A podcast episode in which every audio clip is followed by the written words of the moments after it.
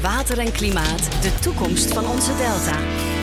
Nederland ligt laag, de zeespiegel stijgt en we krijgen steeds vaker extreem weer.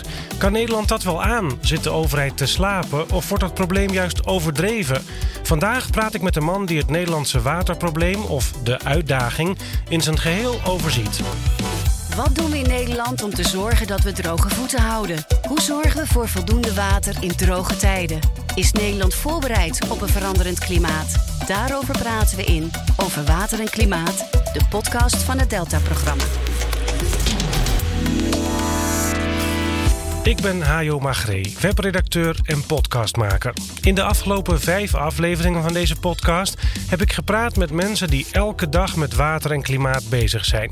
Wetenschappers en bestuurders, vrouwen en mannen, jong en oud. We hebben het gehad over hitte, droogte, extreme regenval, verzilting, zeespiegelstijging en overstromingen. We hebben de problemen van dichtbij bekeken en gepraat over hoe de overheid daar oplossingen voor bedenkt, samen met inwoners, wetenschappers en het bedrijfsleven. In deze laatste aflevering van dit seizoen zoomen we weer een beetje uit. Gaan we naar een bredere kijk op de dingen. Moeten we ons zorgen maken over het water en het klimaat in Nederland? Zorgt de overheid wel goed voor ons? Hoe staat Nederland er eigenlijk voor op dit gebied? Is er wel voldoende geld? En wordt het probleem niet een beetje overdreven? Als je in de wereld van water en klimaat duikt, dan kom je er al snel achter dat er in Nederland één persoon is die op zulke vragen het antwoord zou moeten hebben. De man aan het hoofd van het Delta-programma. Ja, ik ben Peter Glas en sinds 1 eh, januari 2019 eh, Delta-commissaris. Officieel heet dat een regeringscommissaris. En die heeft een wettelijke opdracht deze delta veilig houden. Zodat we niet alleen uh, wij, maar ook de toekomstige generaties hier uh, veilig kunnen wonen. Achter de dijken. Maar ook dat we genoeg zoet water hebben voor de natuur, voor de landbouw. En dat we ons aanpassen aan de veranderingen van het klimaat. Eh, de weersextremen, keiharde regen en af en toe droogte. Elk jaar verschijnen die plannen in het Delta-programma. Dat is in feite een advies. Dat geef ik aan de minister van Infrastructuur en Waterstaat, die het doorgeleidt met haar bevindingen aan de Tweede Kamer. En dan maakt het onderdeel uit van de begrotingsbehandeling. In september, volgend op Prinsjesdag dus. Dat het Delta-programma er niet voor niets is, kun je bijna elke dag zien en horen in de media. Zware onweersbuien in het zuiden van het land. Er is geen enkel huis niet beschadigd in Luiksgestel. Auto's die buiten stonden zijn totaal los. Hier de kassen in Zomeren waar weinig van over is. Dit is één vandaag. This is your wake-up call. Met die boodschap komt de prijswinnende fotojournalist Kadir van Lohuizen. Het is een confronterende tentoonstelling over de wereldwijde impact die het smelten van de ijskappen nu al heeft op het dagelijks leven van mensen. En dan die nieuwe klimaattop. Bijna 200 landen tekenen een klimaatakkoord in Parijs. Maar je ziet dat er heel veel heide door de droogte van vorig jaar is afgestorven. En dat het een bruin, grijs, verhaal is geworden. L'accord de Paris pour le climat est accepté. Code oranje is van kracht. Dat betekent heel veel regen. Hij is er, de Klimaatwet, gepresenteerd door zeven partijen. Met daarin de verplichting dat Nederland in 2050 nagenoeg klimaatneutraal is. We hebben eeuwen achter ons, waarin we elke keer nadat er een ramp was uh, gebeurd, uh, uit de zee, uh, grote overstromingen of uit de rivieren of diepe droogte, dan zeiden we: Goh, dat is raar, daar moeten we wat aan doen. En dan werd dat gefixt. Begin van deze eeuw hebben we gezegd: we moeten verder vooruit kijken. We moeten eigenlijk vooruit gaan plannen. Niet wachten op rampen, maar die voor zijn. En dat is de grote opgave. Maar dat is best ingewikkeld, want de toekomst die ken je nog niet. De ramp die er was, die ken je wel. Maar we willen eigenlijk uh, de manier waarop we ons waterbeheer organiseren in deze delta ja, robuust bestendig maken voor dat wat er nog aan zit te komen. En er komt veel op ons af. En daarom is er dus het Delta-programma. Daarin staan volgens de website de plannen van de overheid om Nederland te beschermen tegen overstromingen. Te zorgen voor genoeg zoetwater en te zorgen dat we ons land zo inrichten dat we voorbereid zijn op grotere droogte, hogere temperaturen en hardere regenbuien. Dat klinkt misschien vrij beleidsmatig, een ambtenarenwereld van rapporten en plannen en vergaderingen, maar in feite staan in dat Delta-programma bijna alle toekomstplannen van het Nederlandse waterbeleid. Voor Peter Glas was Delta-commissaris worden dan ook een droom die uitkwam. Dat was in Spanje. Ik was bij een congres en ik werd gebeld door de secretaris-generaal van het ministerie van Infrastructuur en Waterstaat. En zij vertelde me dat na een selectieprocedure dat ik het werd. En ik liep op een groot uh, plein te bidden van uh, veel uh, toeristen. Uiteindelijk, ja, als je het dan wordt, dan denk je van nou, dit is mooi, hier ga ik echt mijn tanden inzetten. Of uh, dan ga ik in ieder geval mijn beste krachten aan, aan wijden. En dat gevoel heb ik nog steeds. En ja, dat is wel een, een, een, moment dat zal ik niet gauw vergeten. Ja, ik vind dat ontzettend mooi en uitdagend werk. Ik loop al nou, bijna 40 jaar langs de waterkant, zeg ik wel eens met een knipoog. Mijn hele professionele leven ben ik met water bezig geweest in binnen- en buitenland. Ik denk niet dat ik op driejarige leeftijd heb besloten dat ik Delta-commissaris zou worden ooit. Mijn vader was eh, journalist voor een landelijk dagblad in Limburg in de jaren 50. En ik denk, ik weet het niet meer precies, ik ben van 56. Ik denk dat het in 59 moet zijn geweest. We woonden in Heerlen dat er daar uh, ja, een lokale overstroming was. We woonden twee hoog in een flatgebouw aan de rand van de, van de gemeente. En ik keek richting Hoensbroek en alles was een soort geel-bruin waterslijk. Dat herinner ik me, want ja, dat was uh, toen uh, ja, een soort uh, wateroverlast situatie. En mijn vader schreef daar ook over. En dus dat, ik denk dat ik drie was. In het Delta-programma staan maatregelen en oplossingen voor een probleem waar we in Nederland allemaal vroeg of laat mee te maken krijgen. En niet alleen het probleem, ook van de oplossingen gaan we in Nederland allemaal wat merken. Het weer dat landt in elke straat. Nou, dat programma is opgezet oorspronkelijk tien jaar geleden als echt uh, samenwerking tussen alle lagen van de overheid. En dat is ook heel belangrijk, want waterbeheer in Nederland en watervoorziening, ook drinkwater, is een overheidstaak bij wet. Ik denk dat we de komende jaren zullen gaan zien uh, dat het ook echt bij de mensen aankomt, maar ook bij bedrijven, bij de industrie, bij de landbouw. Het is niet alleen aan de overheid, het is wel met de overheid. Wij voelen ons verantwoordelijk, maar iedereen zal aan de bak moeten. En dat is wel een boodschap die ik wil overbrengen.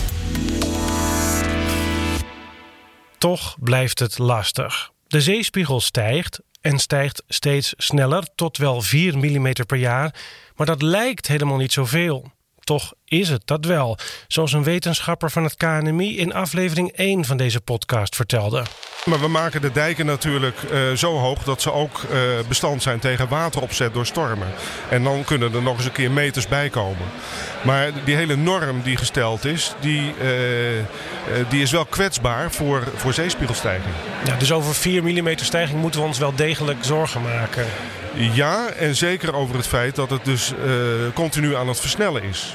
Ja, want ook de versnelling versnelt. Het wordt, iedere keer is het nog weer even iets sneller dan we al denken. Ja, als we niks doen aan bijvoorbeeld de broeikasgasuitstoot... dan zitten we aan het eind van deze eeuw op 15 mm per jaar. Rob van Doorland van het KNMI. Maar je hebt dus mensen die denken bij 4 mm zeespiegelstijging nog steeds nou en. Die denken dat klimaatverandering helemaal niet aan de mens kan liggen. Nou ja, er zijn mensen die, uh, die geloven bijvoorbeeld niet in klimaatverandering. Die, die zeggen van ja, het is allemaal niet waar. Uh, de wetenschap heeft het bij het verkeerde eind. Ja, nou, je begint nu zelfs te lachen, maar dat is, dat is ondenkbaar voor jou. Ja. ja, ik begin daarom te lachen omdat ik denk van ja, dat wordt nooit onderbouwd. Dus uh, weet je, een discussie is dan niet mogelijk. Maar uh, die mensen die, die, die kijken natuurlijk niet naar, naar maatregelen die genomen worden. Er zijn mensen die niet geloven in klimaatverandering. Het is overigens een minderheid. De meeste mensen hebben wel degelijk door er is wat aan de hand. En het wordt ook veroorzaakt door menselijk handelen. Um, en wat dat betreft steunen we op de kennis, uh, het KNMI en alle deskundigheid die we in dit land uh, hebben. En daar baseren we onze maatregelen op. Um, nou, de kans uh, dat het achteraf allemaal niet waar was, die acht ik uiterst, uiterst gering. Dus het is gewoon verantwoordelijkheid nemen om, om toch te zorgen dat het hier leefbaar blijft in dit land. En overigens, een delta, 6 uh, 60% overstroombaar. 10 miljoen mensen achter de dijken. Uh, zelfs als het klimaat niet zou veranderen, moet daar permanent aan gewerkt worden, want anders is het hier gewoon niet bewoonbaar. Daar zijn miljarden voor nodig de komende jaren. Maar geen zorgen, dat geld ligt klaar. In het uh, Delta Fonds, uh, wat is opgericht, daar zit nu, om heel precies te zijn, 17,9 miljard. Over 14 jaar. Dus van 2020 tot 2034. Uh, nou, 17,9 miljard. Uh, dat is als het ware geoormerkt geld voor alle doelen binnen, binnen het Delta-programma. Als je dat Delta-programma leest, dan kom je erachter dat de Nederlandse overheid alles wat met water en klimaat moet gebeuren in Nederland eigenlijk heeft opgeknipt in drie grote thema's. Eigenlijk drie Delta-plannen: waterveiligheid, het voorkomen van overstromingen door plannen te maken voor dijken, duinen en dammen en alles wat daarbij hoort. En het tweede thema is de zoetwaterbeschikbaarheid. Zorgen voor genoeg water en dan gaat het niet zozeer om drinkwater, maar vooral over water om in te varen, water voor de natuur in de landbouw en water voor de industrie. De grote rivieren, het IJsselmeer en hoe we het verdelen door het land. En het derde en laatste thema is het aanpassen van Nederland aan klimaatverandering. Omdat we in de toekomst vaker te maken gaan krijgen met hitte, droogte of juist extreem harde regenbuien. We moeten Nederland daarom anders gaan inrichten. De ruimtelijke adaptatie. Hoe passen we ons aan aan weersextremen? Straks komen we terug op het zorgen voor voldoende water en de aanpassingen voor klimaatverandering. Maar we beginnen bij de overstromingen, of eigenlijk het voorkomen daarvan. In het Delta-programma heet dat dus het Deltaplan Waterveiligheid. Overstromingen kunnen plaatsvinden en die zijn in het verleden ook plaats, hebben plaatsgevonden vanuit de zee. Echt een stormvloed. Eh, vanuit de grote rivieren, de Rijn, de Maas, maar ook uh, kleinere rivieren. Ik woon zelf aan de Dommel. Nou, die is ook wel eens overstroomd. Um, en uiteindelijk kan het zelfs uh, vanuit de putdeksels omhoog komen. Dat is natuurlijk van hele andere orde. Een stormvloed vanuit zee met potentiële veel slachtoffers of een putdeksel, maar en alles wat daartussen zit. Meer dan de helft van ons laaggelegen land kan overstromen als het een keer misgaat. Dan overstroomt niet in één keer half Nederland. Maar wat ik daarmee bedoel is: 60% van ons land ligt zo laag dat er water naartoe kan stromen. Met andere woorden, dat het daar kan overstromen. En in die delen gebeurt nou juist een hoop. Er wonen ongeveer 9 miljoen mensen en bijna drie kwart van alles wat we in Nederland met z'n allen aan geld verdienen, verdienen we daar. Om precies te zijn, 70% van ons bruto nationaal product verdienen we in die laaggelegen gebieden. Maar de kans op een overstroming is in Nederland niet echt groot. Daar zijn regels voor. We hebben met elkaar uh, diep nagedacht over hoe veilig willen we dan zijn. Want 100% veiligheid bestaat niet. Dat kan ook iedereen begrijpen. Dus we hebben wel alle statistieken er doorheen uh, kijkend gezegd van nou de kans dat je overlijdt in enig jaar ten gevolge van een watersnood, die mag niet groter zijn dan 1 op 100.000. Nou, dat is een heel abstract bedrag, maar uh, wees ervan verzekerd, dat is een heel klein getal. en daarop is het gebaseerd. Nou is Nederland niet gisteren opeens heel laag komen te liggen. We zakken wel langzaam verder weg trouwens. Maar dijken, dammen en duinen bouwen we al eeuwen. Heb je daar nou een aparte Delta-commissaris voor nodig om iets dat we al heel goed kunnen nog eens in de gaten te houden? In 2008 was er een advies van een uh, tweede Delta commissie. En die commissie die zei: er moet eigenlijk een nieuwe wet komen, er moet een Delta Fonds komen, maar ook een Delta Commissaris die de verbinding legt tussen alle lagen van de overheid, maar ook met die omgeving. Uh, en ja, daarvoor is deze Delta-commissaris uh, aangesteld uh, om eigenlijk een verbindingsofficier te zijn, zou ik wel eens willen zeggen. En verbindingsofficier Peter Glas zorgt dan dat de juiste mensen op het goede moment met elkaar overleggen.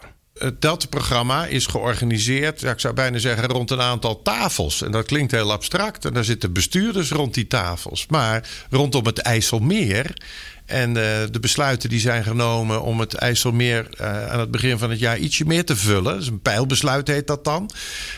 Daar hebben de bestuurders rondom het IJsselmeer van de provincies, van de waterschappen, de drinkwaterbedrijven, hebben allemaal een zegje kunnen doen. Het organiseren van die tafel dat is nou bij uitstek een taak van de Delta-commissaris.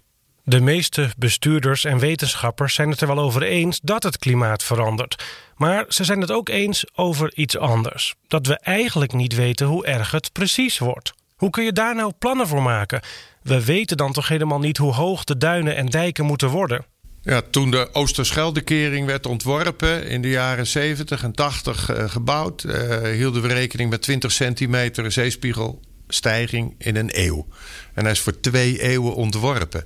Dus met 40 centimeter. Nou, inmiddels zouden we dat zo niet doen. Um, die zeespiegel die, uh, zal waarschijnlijk sneller gaan stijgen. En als we nu uh, grote werken doen langs de kust, uh, maar ook al bij de rivierdijkversterkingen, dan kijken we naar het einde van deze eeuw. En dan wordt er al rekening gehouden met dat het een meter zou kunnen zijn. Dus als iets echt heel lang mee moet, bijvoorbeeld de nieuwe slijzer bij IJmuiden, daarvan weet ik uh, dat er is, uh, rekening wordt gehouden met die meter. Uh, maar dat er ook, ook al wordt bedacht van nou, stel nou dat het nog meer wordt. En over 200 jaar zou het absoluut ook meer kunnen zijn. Dan moeten we eigenlijk al in het ontwerp van het fundament, zo heb ik het me laten uitleggen, al de ruimte reserveren. Die later eventueel nodig is. En dan hoef je niet ingewikkelde dingen af te breken. En dan heb je het alvast. Nou, dat is een voorbeeld van zo'n adoptieve aanpak. Flexibel zijn. En dan naar het tweede grote waterthema van Nederland: zorgen voor voldoende water. En dat gaat niet zozeer over het water dat bij jou thuis uit de kraan komt. En toch ook weer wel, maar dat komt zo. Dag, dames en heren.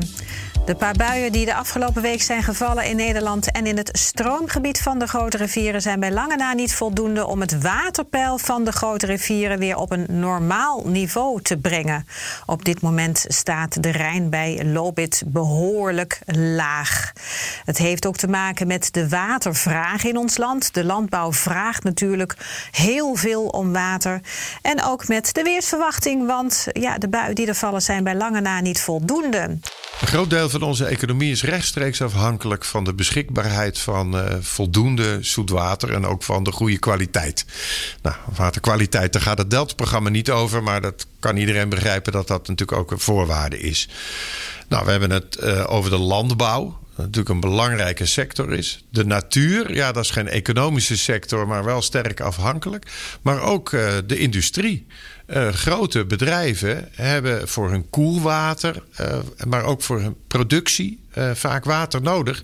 En dat wordt ja, uit oppervlaktewater gewonnen, uit grondwater gewonnen. En als je dat alles bij elkaar optelt, ja, dan gaat dat zo'n beetje in de richting van 20% van ons bruto nationaal product, wat we met z'n allen verdienen, is daarvan afhankelijk. Dat gaat dus over meerdere honderden miljarden per jaar. Er is dus een hoop water nodig. Het probleem is nu dat we in Nederland niet altijd genoeg water hebben voor iedereen die erom vraagt.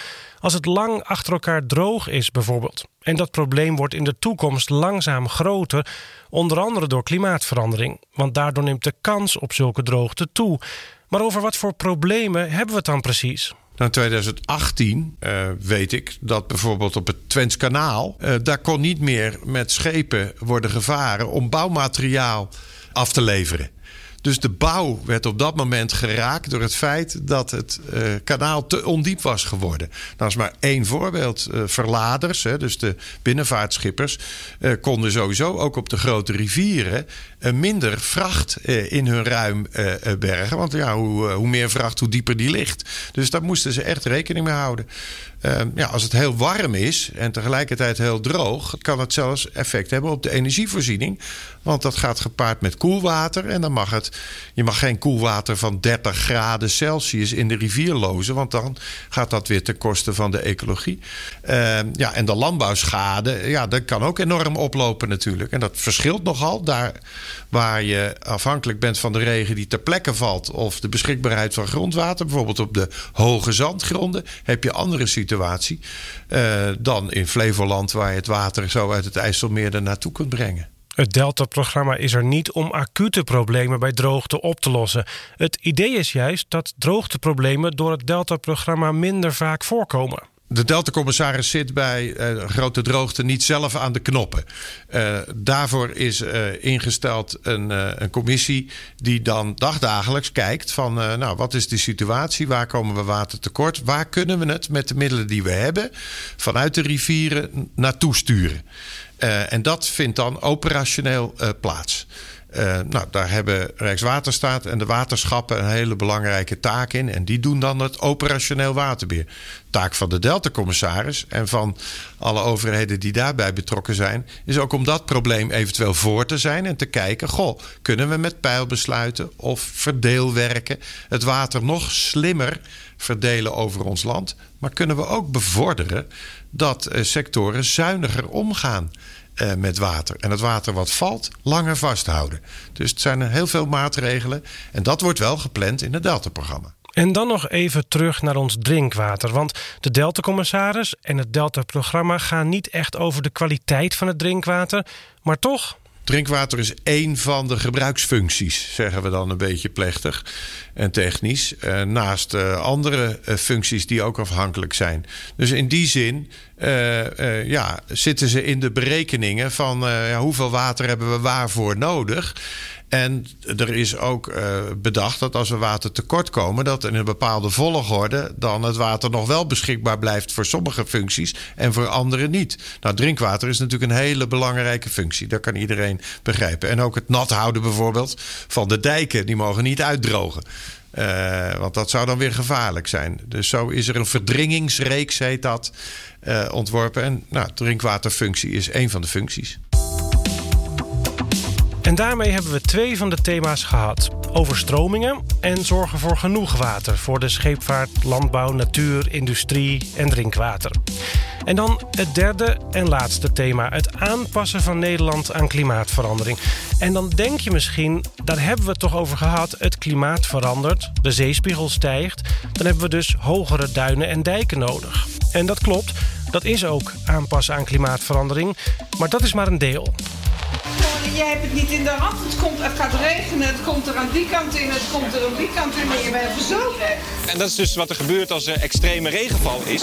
Dan lopen de straten vol met water omdat de riolering het niet aan kan. Viaducten lopen vol met water. Als je een kelder hebt, loopt die vol met water. Tunnels vol met water. En dat is een heel groot probleem. Oké, maar wat doen we hier dan? Nou, kijk, hier hebben ze dus een straat nagebouwd waar ze dus lekker kunnen experimenteren met water. En vooral hoe we van ons regenwater af kunnen komen, van de straat af.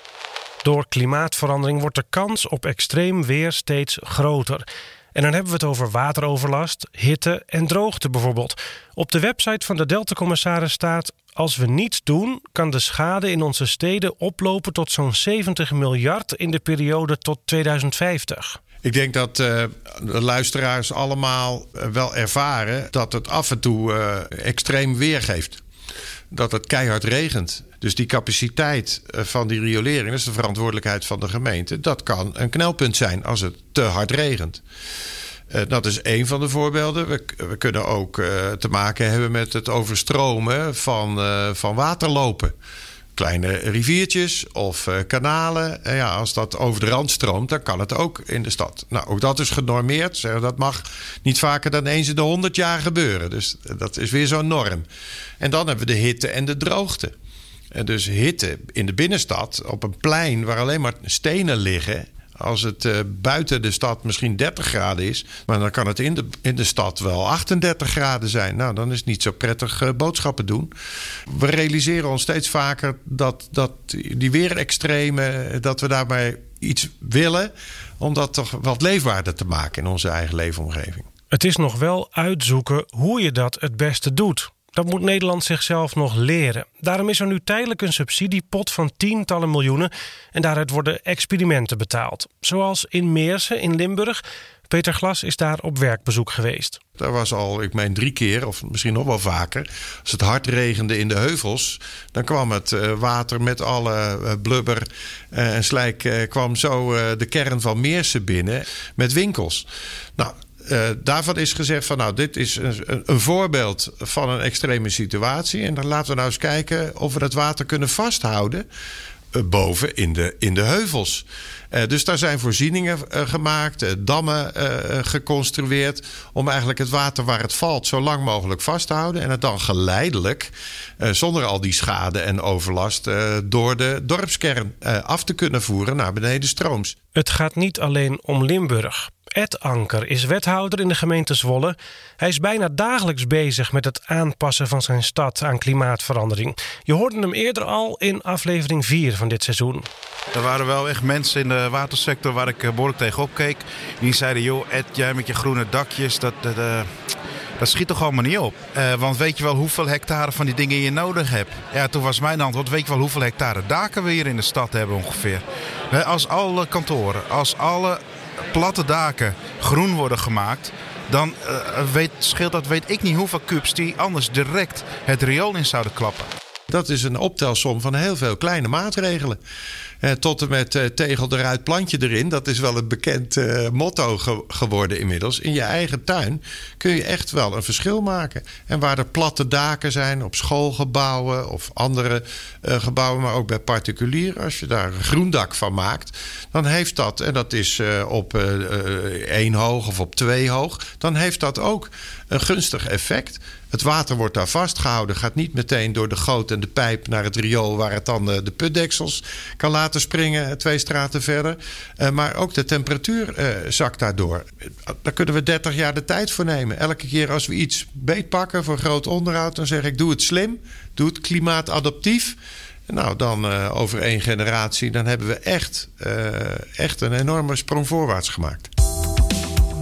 En dat waren ze, de drie thema's van het Nederlandse waterbeleid, het Delta-programma. Met Peter Glas als Delta-commissaris aan het hoofd. Maar doen we genoeg? Of komen we nog een keer terecht in de situatie van 1995, dit jaar 25 jaar geleden? Toen moesten 250.000 mensen hun huis uit vanwege de hoge waterstanden in de Rijn, de Maas en de Waal.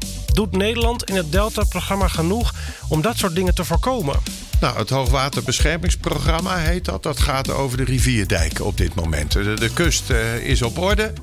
Nou, uh, dat uh, is een groot programma. We hebben in Nederland uh, zo'n 3700 kilometer dijken langs rivieren en de kust.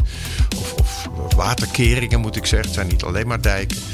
Um, uh, en een deel daarvan zal tussen nu en 2050 uh, ja, uh, aan de beurt komen. Om versterkt te worden, eventueel verlegd te worden. En nou, de schattingen lopen wat uiteen, maar ik zeg dat afgerond is de kilometer per week. En 30 jaar lang. Dus dat is een enorme opgave. We hebben het nu gehad over maatregelen en aanpassingen. Over dijken, over tegels in de achtertuin, over het verdelen van water in droge tijden. We zijn heel druk bezig met de voorbereiding op klimaatverandering. Maar het voorkomen daarvan. Eind januari 2020 stuurde Rutger Bregman van De Correspondent een open brief aan alle Nederlanders. Hij maakte er ook een audioboek van en daarin zegt hij onder andere dit. Ondertussen staat één ding als een paal boven water. Hoe sterk de ecologen en ingenieurs ook van mening verschillen, over het belangrijkste zijn ze het eens. We moeten, koste wat kost, voorkomen dat we überhaupt te maken krijgen met een zeespiegelstijging van meer dan 2 meter. Het is sterk afhankelijk, allemaal uiteindelijk, in hoeverre wij in staat zullen zijn mondiaal, dus echt wereldwijd, om die opwarming van de aarde te beperken. Dus het maakt verschil of we de afspraken zoals die in Parijs zijn gemaakt, om het te beperken tot anderhalf à 2 graden, of we dat halen. Of wat ook wel gehoord wordt. Nee, het wordt 3, het wordt 4 graden. Dan hebben we niet alleen een probleem met het water, maar ook nog menig ander probleem. Kan ik u wel voorspellen. Um, maar daar is het sterk van afhankelijk. Dus uh, wij kunnen uh, de opdracht realiseren als die opwarming beperkt blijft. Loopt dat uit de hand? Ja, dan komen we dus in een ander speelveld. En dan is de toekomst wat dat betreft veel minder gewis. Dan wordt die ongewis. We leven in spannende tijden als het gaat over het klimaat. Ik denk uh, tussen nu en pak een beetje zes jaar uh, dat ja, ons land echt ten diepste na moet denken over hoe moet het verder met deze delta. Ik denk dat we hier nog heel lang kunnen blijven wonen, maar dat zal echt heel veel inspanning kosten. We hebben een prachtige uitgangspositie. Uh, Nederland heeft een traditie. We hebben de kennis, de kunde en we hebben de economie die het ons mogelijk maakt om hier nog heel lang te kunnen blijven wonen.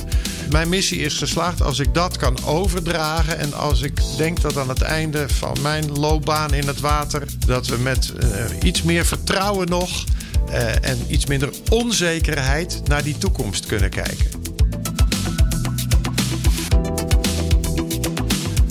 En daarmee zijn we aan het eind van het eerste seizoen van Over Water en Klimaat, de podcast van het Delta-programma over de toekomst van onze Delta.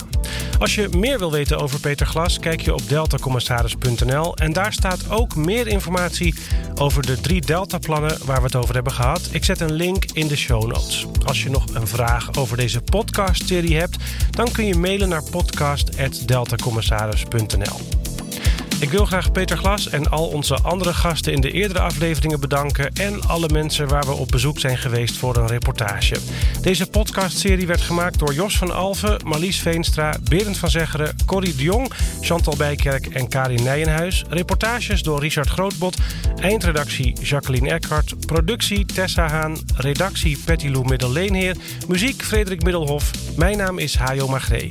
Voor nu bedankt voor het luisteren en wie weet tot in seizoen 2.